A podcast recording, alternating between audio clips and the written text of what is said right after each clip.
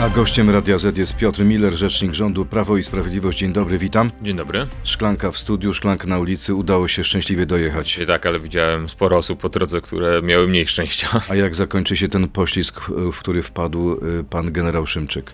Panie redaktorze, o tym zdecyduje, zdecydują wyniki śledztwa, bo to śledztwo jest prowadzone przez prokuraturę i wyniki tego śledztwa de facto tę sprawę y, naświetlą w Czyli pełnym będziecie świetle. czekać y, dni, tygodnie na decyzję? W tej chwili nie ma żadnej decyzji co do zmian, zresztą o tym wczoraj powiedział minister Kamiński. Natomiast, y, no jeżeli by wyniki śledztwa pokazały ym, jakieś rzeczy, które musiałyby powodować zmiany w tym obszarze, no to wtedy będziemy o nich decydować. Na ten moment minister Kamiński stwierdził, że takich e, podstaw nie ma. No właśnie, minister Kamiński wyklucza dymisję komendanta głównego policji. Pan jej nie wyklucza. Takie słyszałem pańskie słowa wczoraj.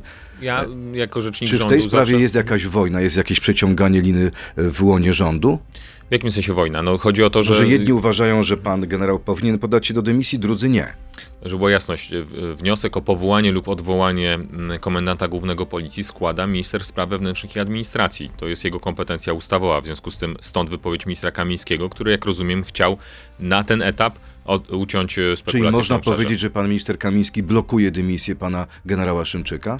W jakim sensie blokuje? To jest jego kompetencja do wnioskowania, w związku z tym no, to nie jest kwestia blokady, tylko po prostu wykonywania kompetencji w tym obszarze. Pana koleżanka z rządu, pani wiceminister Semeniuk, y, mówiła wczoraj u Beaty Lubeckiej, że gdyby to ona była w miejscu, czy na miejscu pana generała Szymczyka, podałaby się do dymisji. Co pan by zrobił w takiej sytuacji? Gdyby pan dostał prezent nie sprawdził pan tego prezentu. Panie redaktorze, ta sytuacja jest dużo bardziej skomplikowana. Pamiętajmy o tym, że mieliśmy do czynienia z sytuacją, gdzie komendant główny policji jechał na teren Ukrainy z oficjalną wizytą jako wysoki przedstawiciel państwa polskiego, spotykał się z równo, równorzędnymi przedstawicielami strony ukraińskiej. Podobnie jest w, w relacjach dyplomatycznych. Jeżeli, nie wiem, ja jadę gdzieś e, z premierem Morawieckim na spotkanie z innym premierem czy prezydentem, to nikt mnie nie kontroluje w samym miejscu, w którym się odbywa spotkanie, ponieważ e, jest zaufanie do drugiej strony, że odbywa się wszystko zgodnie z, e, bezpieczeństw, z procedurami bezpieczeństwa, jest zaufanie. Więc te, tak to wygląda. Tutaj rozumiem, podobnie e, było e, po obu stronach, to znaczy było zaufanie do obu stron, że obie strony zachowują się w sposób odpowiedzialny. I dlatego no, mówię o tym śledztwie, bo to śledztwo myślę, że tu jest kluczowe w tym obszarze. Komendant sugeru, że, y, sugeruje, że jego aktywna postawa proukraińska mogła spowodować czyjąś niechęć. Czy na przykład to śledztwo zakłada, że jacyś y, rosyjscy agenci w mundurach ukraińskich mogli włożyć do granatnika czy do atrapy granatnika materiał wybuchowy? Ja nie jestem w, wciągnięty w to śledztwo, w związku z tym ja nie jestem w stanie żadnego wariantu w tej chwili wykluczyć. Od tego są śledcze, aby to badać. Ale, Ale czy- oczywiście wiemy o tym, że sytuacja na Ukrainie jest taka, nie inna, że działają e, różne siły. Jasne, ale jak to jest w ogóle możliwe, że pan generał Szymczyk, y, przez nikogo niesprawdzony, przewiózł ten sprzęt z Ukrainy do Polski? Dlaczego służby specjalne, służby, które zajmują się sprawdzaniem prezentów, nie sprawdziły tego prezentu? Uważam, że tutaj należy właśnie ten, tę drogę prześledzić krok po kroku, aby wyciągnąć wnioski z tego. Jedynie co y, mogę powiedzieć z doświadczenia, że mogło dojść do sytuacji, w której po prostu, no, tak jak mówię, jedna ze stron zaufała drugiej, że no, do takiego Ale czy zachowania my nie możemy ufać obcym służbom, jest- nawet zaprzyjaźnionym? No panie redaktorze, no, to jest tak, że w ramach służb jest pewna zasada wzajemnego zaufania, Jasne, bo inaczej byśmy nie mogli tak, funkcjonować we Przynajmniej tak to wygląda w Ameryce i w innych zachodnich krajach, że każdy prezent, długopis, pióro, cokolwiek, Tak które otrzymuje przywódca państwa, jest natychmiast Tak sprawdzane. jest też w, Polsce, w Polsce, dokładnie. Jeżeli jakikolwiek jest wręczany podarunek, na przykład na spotkaniach i tak dalej, to Służba Ochrony Państwa go bada. W, przypadku premiera, prezydenta. To wracam do pytania, czy ktoś, kto nie potrafi zadbać o własne bezpieczeństwo, powinien zajmować się bezpieczeństwem Polaków? Panie redaktorze, tak jak mówię, na takie wnioski przyjdzie czas, gdy śledztwo będzie na bardziej zaawansowanym poziomie. A na ile informacja jest prawdziwa, że ta dymisja jest już przesądzona, że Nowogrodzka, Nowogrodzka nie chce, żeby pan generał Szymczyk pozostał komendantem głównym policji? Reporterzy Radia Z dowiedzieli się, że trwały już i trwają poszukiwania jego następcy. Panie redaktorze, o, poszukiwania, o poszukiwaniach następcy różnych osób na różne funkcje słyszałem wielokrotnie. E, Od premiera zaczynając, po wszystkich ministrów, wiceministrów, e, a mityczna Nowogrodzka często jest używana jako wydrych, wytrych plotkarski dla. Czyli nie e, ma decyzji Jarosława. Kaczyńskiego, nie ma decyzji premiera, nie ma decyzji. ministra Kamińskiego. Nie ma na ten moment takiej decyzji. A myśli pan, że przed świętami będzie? Myślę, że śledztwo aż tak zaawansowane przed świętami nie będzie, w związku z tym um, ciężko mi powiedzieć, żeby taka gotowość do wyciągnięcia finalnych wniosków była. Panie ministrze, jak premier Morawiecki przyjął cios od Jarosława Kaczyńskiego? Ale jaki cios? Jaki cios? No, czytamy wszyscy wywiad w Gazecie Polskiej codziennie i tam Jarosław Kaczyński mówi, że uchwalenie ustawy o Sądzie Najwyższym mogłoby przynieść skrajnie destrukcyjne skutki dla państwa. No to brzmi jak uderzenie w negocjatora część, w sensie i w pana też... premiera Morawieckiego. Nie, to jest podniesienie tych wątpliwości, a jednocześnie pan prezes Kaczyński w dalszej części mówi o tym, że ten projekt powinien być dalej procedowany, konsultowany i liczy, liczymy na to, że będzie również przyjęty. E... Czy prezes Kaczyński był konsultowany na etapie rozmów z Brukselą? Czy wiedział o tych zapisach, które potem premier Morawiecki przedstawił posłom? Pan minister Szynkowski też rozmawiał z panem prezesem Kaczyńskim o kwestii tego projektu. Oczywiście, na bieżąco był na, konsultowany. Z tego co wiem, to na bieżąco, tak. No ale Natomiast... dobrze, to dlaczego prezes Kaczyński wtedy nie powiedział, słuchajcie, ale uważajcie, bo to może mieć destrukcyjny wpływ na polski wymiar Kierunkowe decyzje, kierunkowe wytyczne zawsze, e, tu od pana prezesa w szczególności, były wyczulone na kwestię konstytucyjności prerogatyw prezydenta. Natomiast my uważamy, że e, tu my różnimy się z panem prezydentem na tym etapie dyskusji, że e, te, ta ustawa takich dodatkowych ryzyk nie stwarza. Ale, ale pan, pan prezes o tym wska wskazuje, to też dając sygnał do pana prezydenta, prezydenta, że jesteśmy wyczuleni na punkcie prerogatyw pana prezydenta, bo to jest słuszne wyczulenie. Czyli to jest to tylko ukłon w stronę pana prezydenta Dudy. To jest bez wątpienia A nie sygnał wątpliwości do tego, żeby... prezesa Kaczyńskiego. Panie redaktorze, ja nie będę już jakby za pana prezesa rozwijał tego wywiadu, natomiast jak rozmawiałem z panem prezesem, bo rozmawiałem też o tym, na ten temat, to dał jasny sygnał, że ustawa ma być dalej procedowana, i mamy szukać takiego rozwiązania, który pogodzi te wszystkie racje. Dlaczego zlekceważono w tej sprawie prezydenta? Nie, nie użyłbym słowa, że zlekceważono, natomiast być może nie, nie było wystarczająco dużej troski o to, aby na każdym etapie w odpowiedni sposób zadbać o właściwe konsultacje z panem prezydentem. Ale były spotkania ministra Szynkowskiego z prezydentem wcześniej? Wiem, że jakieś spotkania się odbywały, ale skoro pan prezydent uznał, że e, czy rozmowy, bo nie wiem, czy to było fizyczne spotkania, czy rozmowy telefoniczne, ale jeżeli pan prezydent uznał, że to jest niewystarczające, to przyjmujemy to z pokorą. Mm, a to nie jest tak, że to jest taka, mm, no, takie lekceważenie wręcz, e, wręcz wprost? Bo nie wiem, czy pan pamięta, ostatnia Rada Bezpieczeństwa Narodowego, politycy opozycji mówili o tym, że prezes Kaczyński spóźnił się na to spotkanie ostentacyjnie i ostentacyjnie opuścił je wcześniej. Panie redaktorze, akurat nie pamiętam jak było na ostatniej Radzie Bezpieczeństwa Narodowego, natomiast... Tak było właśnie. Możliwe, panie redaktorze, ale to... Mówił ale, Włodzimierz Czarzasty. A słyszał pan, żeby, nie wiem, pan prezydent twierdził, a ktoś zaplecza pana prezydenta twierdził, że są złe relacje pomiędzy prezesem a panem prezydentem? Nie musi stwierdzać, bo widać, no, że są złe. No nie, nie, momencik. A ja doskonale... Między prezesem a prezydentem mówię. Tak, mówię o tych relacjach, tak. bo akurat miałem okazję je obserwować przez wiele miesięcy, gdy wybuchła wojna na Ukrainie. Przecież wtedy jeszcze pan prezes był wicepremierem i regularnie, praktycznie co drugi dzień odbywały się spotkania w Biurze Bezpieczeństwa Narodowego. Każdy z powagą podchodził do tej sytuacji i bardzo dobrze wtedy współpracowano. I to był bardzo dobry sygnał też do naszego obozu politycznego, że ta współpraca układa się dobrze. E, cytat z pierwszej prezes Sądu Najwyższego, pani profesor Manowskiej, która udzieliła wywiadu Onetowi. Starania pana premiera, aby osiągnąć kompromis są potrzebne. Natomiast nie podejrzewam, żeby to sam pan premier pisał ten projekt. I nie sądzę, że, żeby trzeba było wszystko, co do przecinka uzgadniać z Brukselą. Nie wszystko można sprzedać za przysłowiową miskę ryżu. Pani, Pani prezes pije do pana premiera. Wprost. Panie redaktorze, do tych podsłuchanych oczywiście rozmów. pani prezes ma prawo wyrażania swojej opinii, aczkolwiek e, to nie jest tak, bo tu taka teza między wierszami praktycznie jest stawiana, że ktoś pisał w Brukseli ustawę. Nie. Z Brukselą były negocjowane kierunkowe, e, jakby my przedstawialiśmy, my przedstawialiśmy jakiś projekt i Bruksela twierdziła, że coś jest na przykład nadal ich zdaniem nie tak. No to staraliśmy się wytyczne uzgodnić razem, w sensie uzgodnić kierunek zmian, ale nie ustawę. Nie ustawę. Ustawa to jest efekt już prac legislacyjnych y, naszych tutaj wewnętrznych. Panie ministrze, to pora na krótką piłkę, już po raz drugi pan odpowiada na Tego teraz będę bardziej ostrożny. Wszyscy pamiętamy tę odpowiedź z pierwszej, z pierwszej rozmowy. W sprawie środków z KPO rząd się tak zakiwał, że nie ma teraz dobrego rozwiązania? Tak nie. czy nie? Nie. Nie. Prezydentowi należą się szczere przeprosiny za brak tak. konsultacji? Tak. tak. Mam pełne zaufanie do Komisji Europejskiej, tak czy nie? Nie. Premier Morawiecki jest przygotowany w każdej chwili na dymisję, tak czy nie? Nie. Marek Kuchciński jest wybitnym szefem kancelarii, tak czy nie? Panie redaktorze, bo ostatnio to pytanie było i ja mam w tej kontrze od razu Michała Dworczyka, tak, który... To, ja nie pytałem bo, no, Ja, ja, ja wiem, ale później stwarza takie wrażenie. Więc mamy zarówno teraz, jak i mieliśmy wcześniej bardzo dobrego szefa Samych wybitnych premiera. szefów kancelarii premiera. No, akurat mieliśmy za czasów premiera Morawieckiego dwóch, więc tak, tak jest. dwóch wybitnych. Piotr Miller, rzecznik rządu Prawo i Sprawiedliwość jest gościem Radia Z. Przechodzimy teraz do części internetowej na Radio Z.pl, Facebooka i YouTube'a. To jest gość Radia Z. No widzi pan, poszło szybko i e, sprawnie z krótką piłką, ale jeszcze spróbujmy podrążyć ten temat negocjacji z Brukselą. Mm, Gazeta Wyborcza napisała dzisiaj, że wbrew deklaracji premiera nie doszło do porozumienia między polskim rządem a komisją. Według informacji gazety rząd dysponuje nie projektem ustawy, ale tylko dziewięciopunktowymi rekomendacjami przedstawionymi przez e, Brukselę autorstwa głównie komisarza Didiera Reindersa. Czy to prawda? Nie, nie, nie, momencik.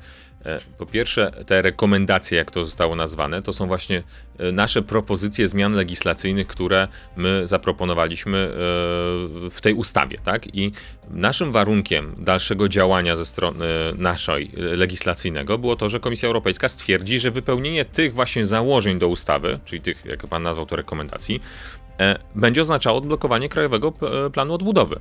I to Komisja Europejska zaakceptowała, czyli dała. Ja to rozumiem, no. tylko pytanie jest następujące: czy to są wskazówki, rekomendacje, czy to jest oficjalne porozumienie? Co to oznacza? Że na przykład po przyjęciu takiej, a nie innej formie tej ustawy, Bruksela może się wycofać z tego porozumienia. Czy jest pieczątka pod porozumieniem? Panie redaktorze, jak ja bym zobaczył tam podpisany, nie wiem, krwią dokument, to wtedy bym na tysiąc procent wierzył. Natomiast Komisja Europejska nie ma żadnego innego prawnego instrumentu do tego, żeby taką deklarację złożyć. Ale można się dogadać między rządem w Warszawie a Brukselą można się dogadać. Ale to jest właśnie to dogadanie. rekomendacja i wskazówki to jest jedyny sposób dogadania się? No tak, no bo to jest niezależna legislacja polska. No przecież nie, nie będzie też tak, panie redaktorze, że nie wiem, Bruksela przygotuje ustawę, położy ją na stół, powie to, to i tamto i przyjmujecie. Nie, tak, w taki sposób nie będziemy postępować, no to by uwłaczało y, niezależności państwa, tak? W związku z tym jedyną opcją, jaką jest, to, że my przedstawiamy nasz wypracowany projekt, który no międzyczasie, znaczy założenia do projektu, które w międzyczasie e, no, były elementem negocjacji, tak, e, ale to są nasze propozycje i te rekomendacje, te kierunkowe zmiany e, Komisja Europejska zadeklarowała w uchwale kolegium komisarzy, że ich przyjęcie odblokuje KPO. Nic premier więcej nie można formalnie tym, zrobić. Premier na tym spotkaniu w Sejmie powiedział, że nie można w tej ustawie zmienić ani przecinka. Tak byłoby najlepiej z prostego powodu, bo Komisja Europejska oraz nasi przeciwnicy, konkurenci polityczni mogą wykorzystać każdą zmianę do tego, żeby stwierdzić, że oszukaliśmy po raz kolejny e, naszą drugą stronę. No bo skoro te rekomendacje zostały przyjęte przez Komisję Europejską i ich realizacja e, ma oznaczać odblokowanie KPO, to każda potencjalna zmiana e, w tym projekcie ustawy może spowodować, że Komisja Europejska albo część przynajmniej radykalna komisarzy europejskiej powie, no nie, oni znowu nas oszukali, w związku z tym nasze porozumienie jest nieważne. I stąd ta wypowiedź premiera. Czyli to, co zaproponował komisarz Reinders, to jest y, stanowisko całej komisji, wszystkich komisarzy Ale i nie ma nie mowy o tym... komisarz Reinders. To jest tak, że my zaproponowaliśmy, a komisarz Reinders przedłożył taką propozycję Komisji Europejskiej z prośbą o stwierdzenie, że jeżeli to zostanie zrealizowane, KPO zostanie odblokowane. Dobrze. Jaki jest scenariusz na najbliższe dni, jeśli chodzi o ustawę o Sądzie Najwyższym? Czy jesteście na przykład w stanie wycofać się z bardzo kontrowersyjnego przepisu dotyczącego tego, że NSA ma przejąć sprawy dyscyplinarne sędziów. Ale ja nie wiem, tu, co tu jest takiego kontrowersyjnego. No, pierwsza prezes Sądu Najwyższego mówi, że to jest przepis niekonstytucyjny. Pani prezes... prezes NSA mówi, że NSA się tym się nie zajmuje. Rozumiem, że się nie zajmuje, ale o tym, czym zajmują się poszczególne instytucje państwowe, decyduje albo ustrojodawca w konstytucji wprost, albo ustawodawca, chociaż to w dużej mierze podobne stwierdzenia, choć nie tożsame, e, w ustawach. W związku z tym to nie jest tak, że jeżeli w konstytucji dana instytucja nie ma przypisanych kompetencji, to nie może mieć ich przypisanych ustawą. Właśnie to jest Czyli ta będziecie bronić ale rozumiem, że tego przepisu jak niepodległości. Nie wiem, czy jak niepodległości, panie redaktorze, ale uważamy, że on powoduje, że z pewnej pułapki wzajemnych, e, że tak powiem, zarzutów e, formalno-prawnych wychodzimy, bo jeżeli ta, te postępowania dyscyplinarne zostaną w Sądzie Najwyższym, nie wiem, na przykład w innej izbie, w której ktoś kiedyś był powołany w jakiś niewłaściwy rzekomo sposób, to znowu będzie zarzut, to nic nie da, prawda? A rozumiem też opór naturalny, że y, jakby y, no, NSA nie chce się zajmować sprawami są- sędziów Sądu Najwyższego, bo nie jest niczym miłym zajmować się sprawami dyscyplinarnymi. Tak już- samo, że Sąd Najwyższy nie chce, żeby inny sąd się zajmował się ich postępowaniami dyscyplinarnymi. Czyli to jest drobnostka, pana zdaniem. Nie wiem, czy drobnostka, ale uważam, że ten, ta propozycja, która jest w tej chwili, rozwiązałaby najważniejszy problem, czyli wpłynięcie środków Ale do jak Polski. rozwiążecie problem podstawowy, czyli kto przegłosuje tę ustawę? Solidarna Polska mówi wprost: nie zgodzimy się na szantaż Brukseli. To, co przywiózł rząd z Brukseli, to jest szantaż, mówi Zbigniew Ziobro. Jeśli nie Solidarna Polska, to kto? Kto poprze tę ustawę? Popatrzmy trochę wstecz, to znaczy jak była głosowana ustawa o zasobach własnych, czyli KPO, e, to wtedy też Solidarna Polska nie poparła tego projektu, poparła bodajże Lewica wtedy e, projekt ustawy. Liczę na to, że są w Polsce, w polskim parlamencie siły, które uważają, że suwerenność e, Polski buduje się również przez suwerenność ekonomiczną. Ale wie pan, co mówi teraz opozycja, że występować będą razem i razem będą zgłaszać poprawki. Co jeśli opozycja powie tak, poprzemy, poprzemy tę ustawę, ale przyjmijcie nasze poprawki? Zobaczymy, co to będą za poprawki, wtedy będziemy dyskutować. Natomiast jeszcze raz podkreślę, że najlepszym rozwiązaniem byłoby przyjęcie tego projektu bez e, zasadniczych poprawek, najlepiej w ogóle bez poprawek, dlatego że wtedy mamy e, no, właściwie pewność, że te środki e, z Krajowego Planu Odbudowy byłyby odblokowane i nie byłoby kolejnego pretekstu, tak jak w maju czy czerwcu zeszło, e, tego roku, e, że kilka poprawek wpłynęło do ustawy, którą przedstawił pan prezydent i znowu to porozumienie przestało być rzeczywistością. To seria pytań od naszych słuchaczy. Pan Tarei, tak y, nazywa się nasz y, pierwszy słuchacz. Jak to jest z tym KPO? No właśnie, czy pan premier Morawiecki w pojedynkę, bez konsultacji zadecydował o nałożeniu tak drakońskich warunków umowy na polskie społeczeństwo? Dlaczego nie było referendum w tej sprawie? Większość obywateli nawet sprawy sobie nie zdaje, jakie kuku sobie zrobiliśmy. Rozumiem, że słuchaczowi chodzi o kamienie milowe. Ale co jest drakońskiego w, e, nie wiem, w tym, że, e, nie wiem, pro- wprowadzamy informatyzację usług, czy A samochody, programy... silniki spalinowe. Rejestracja, opłaty i tak ale dalej, i momencie, tak no dalej. to czyli cała masa e, nadinterpretacji wynikających z KPO. No bo jeżeli ktoś twierdzi, że tam są rzeczy, które od razu powodują taki efekt, to jest nieprawda, ponieważ można niwelować te efekty innymi rozwiązaniami podatkowymi, o czym już wspominaliśmy. E, Robert Stępiński, w jakim celu kancelaria premiera zamówiła na przyszły rok na przykład e, stacje pogodowe bambusowe, a także gry domino, mikado, kółko i krzyżyk, wszystkie gadżety to koszt około miliona złotych. Rozumiem, że tak oszczędzacie w czasie kryzysu i w wolnych chwilach gra pan z premierem, tak? Nie, nie gram z panem premierem, nie wiem co to jest za zamówienie. Domyślam się, że być może to są e, gadżety dla dzieci, które czasami przychodzą na wycieczki do kancelarii prezesa Rady Ministrów. na zasadzie upominku dostają. Tak, tak, tak. Więc to, Czyli to pan nie gra domyślać. z premierem w Nie, nawet nie domino. wiem co to, domino to wiem, ale to A w szachy pan gra z premierem? Nie, nie gram w szach. Nie ma na to czasu? Nie, Czy się nie, pan boi?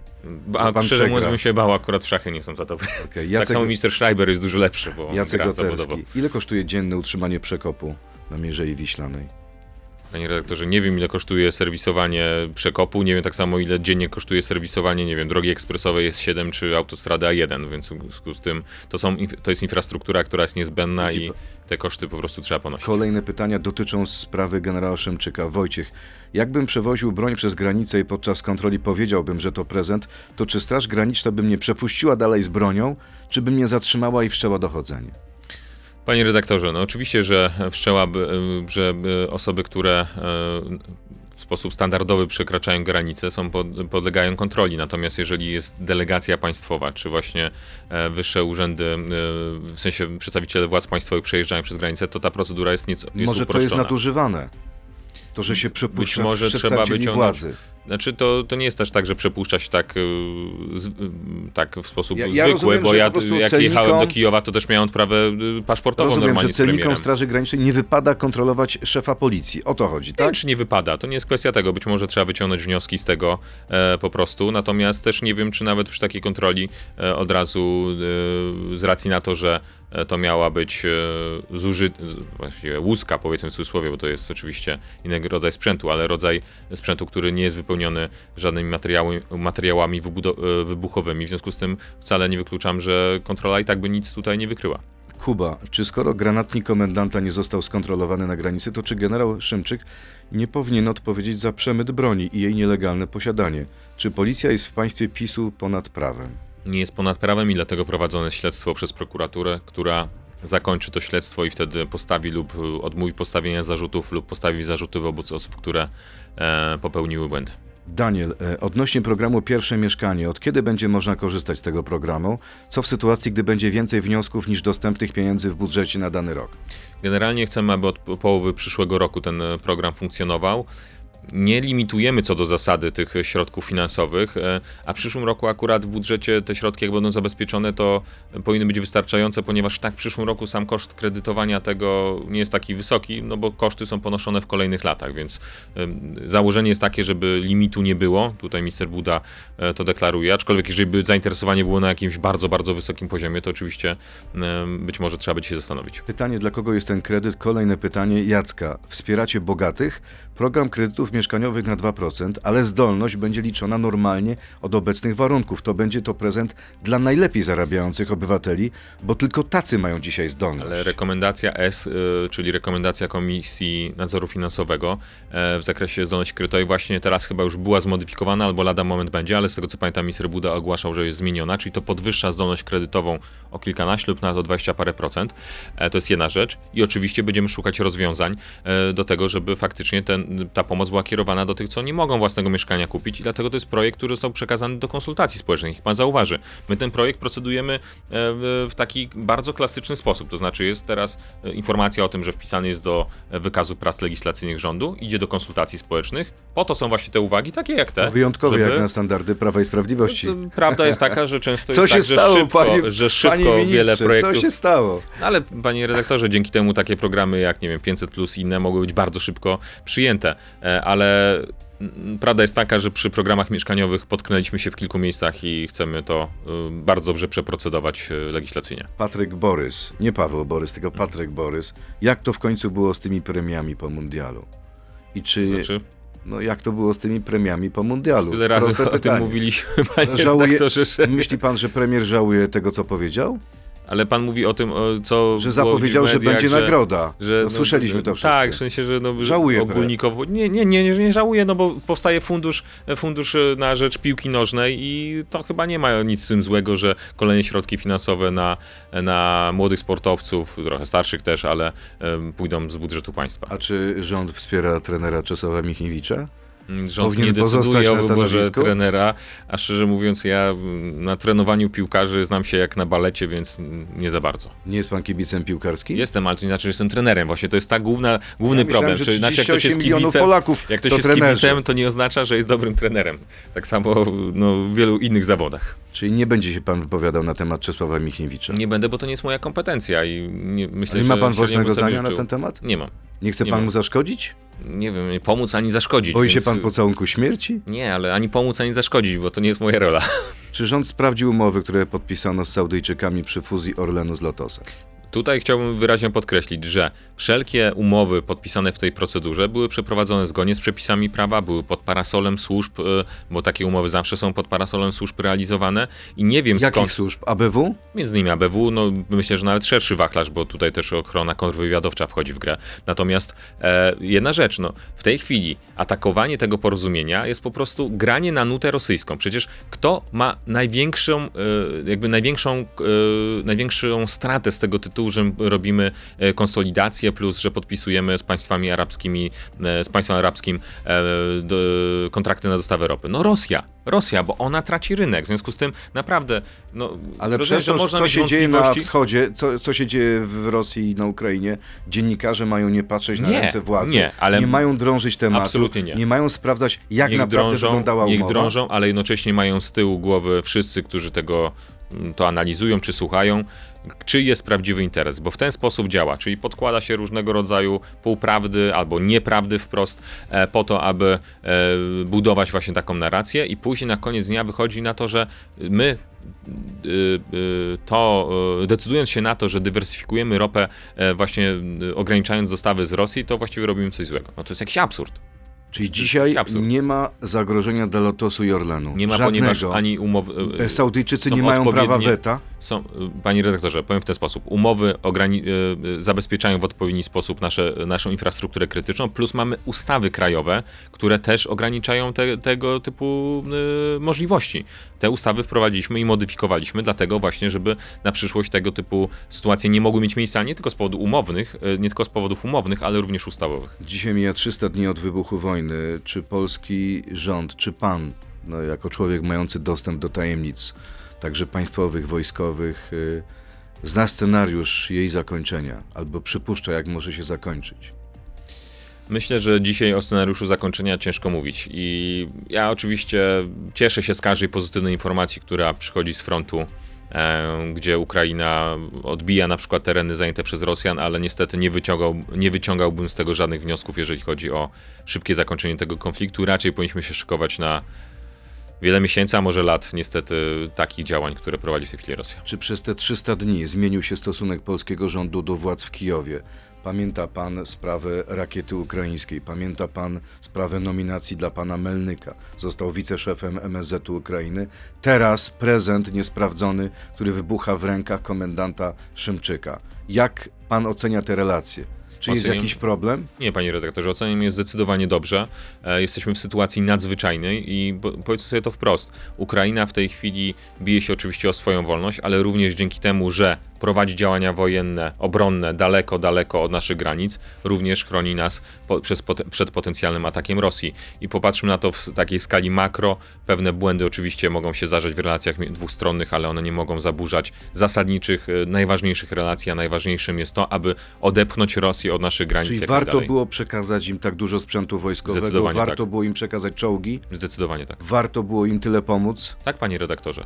I pomóc y, pod kątem wojskowym, i zarówno pomóc każdemu człowiekowi, który uciekał przed barbarzyńskimi zachowaniami żołnierzy rosyjskich, a Polacy tu zachowali się w sposób y, wzorcowy i jesteśmy za to chwaleni na całym świecie, bo zachowaliśmy się w taki sposób, jak po prostu trzeba. Czy to znaczy, że rząd polski wykonuje wszystkie życzenia rządu Nie, oczywiście, że nie. Oczywiście, że nie. I oczywiście w naszych relacjach są też takie, które no, są bardziej chłodne, ale Na nie musimy o wszystkich jakie mówić. sprawy są kontrowersyjne? Panie redaktorze, no mieliśmy kwestię chociażby decyzji o przekazaniu samolotów i no, decyzję zdecydowaliśmy się scedować na cały Sojusz Północnoatlantycki tutaj.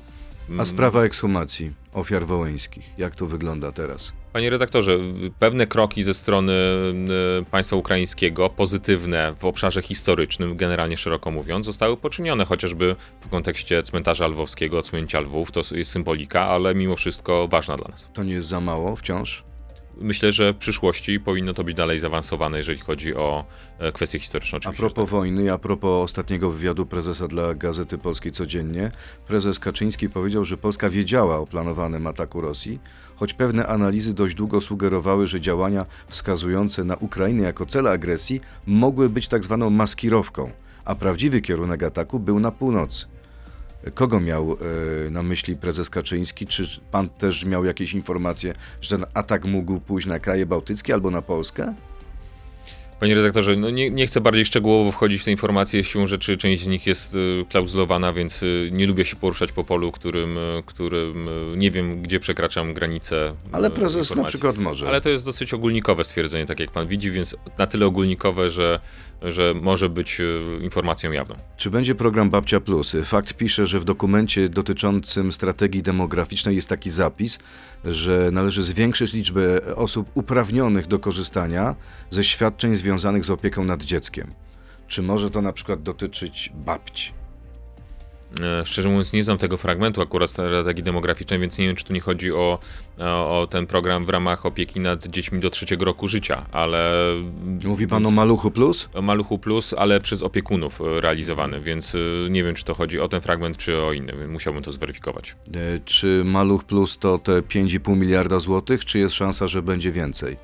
5,5 miliarda i to już jest y, też y, y, duża ilość środków finansowych. E, Wczoraj mówiłem o tym na konferencji prasowej, że w 2015 roku jeszcze było nieco ponad 80 tysięcy miejsc, w sensie miejsc e, dzieci, które mogą być przyjęte do żłobków czy klubów dziecięcych. W tej chwili jest to grubo ponad 200 tysięcy, e, 228 bodajże e, i no to się udało zasadniczą zmianę dokonać, a nowa edycja programu Maluch Plus to kolejne 100 tysięcy miejsc właśnie dla takich dzieci. A co z programem Rolnik Plus? Będą zmiany, jeśli chodzi o emerytury rolnicze?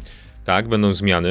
To jest nasza deklaracja, która, została e, która będzie wprowadzona. Dzisiaj nawet na posiedzeniu rządu ten projekt będzie dyskutowany, czyli zrównanie emerytur rolniczych e, z emeryturami klasycznymi ZUS-owskimi. W tej chwili, o ile dobrze pamiętam, emerytura y, minimalna e, rolnicza wynosi 1084 zł, jakoś tak około 1080 zł, a e, emerytura e, e, ZUS-u 1588, o ile dobrze pamiętam. Czyli rozumiem, to- że emerytury rolnicze najniższe wzrosną do 1500. Tak, chcemy tak, w taki sposób zrobić, żeby zrównać te emerytury, no bo nie ma powodu, dla których ten system w pewnym momencie zaczął generować inne kwoty na koncie. Myśli pan, że wtedy skończą się protesty agrounii, skończą się oskarżenia Polskiego Stronnictwa Ludowego, że jeśli chodzi o wieś, no PiS zawalił wiele spraw? Nie skończą się, ponieważ to jest ich e, credo polityczne i będą chociażby e, nie wiadomo, co byśmy robili, zawsze to mówić, a agrounia e, tym bardziej, bo to jest radykalna część e, sceny politycznej, która ma za cel po prostu cały czas generowanie konfliktów. Jak święta, premier odpoczywa czy pracuje? Mm, Liczę, że odpoczywa. Proszę? Nie, no, liczę, że odpoczywa, ale Liczy pan, że pan odpocznie. liczę, że ja też To odpocznę. życzymy panu odpoczynku i wszystkim naszym słuchaczom. Bardzo dziękuję. Dziękuję Piotr bardzo. Miller, rzecznik rządu Prawo i Sprawiedliwość, był gościem Radia Z. Dziękuję bardzo. To był gość Radia Z. Słuchaj codziennie w Radio Z i na player radioz.pl.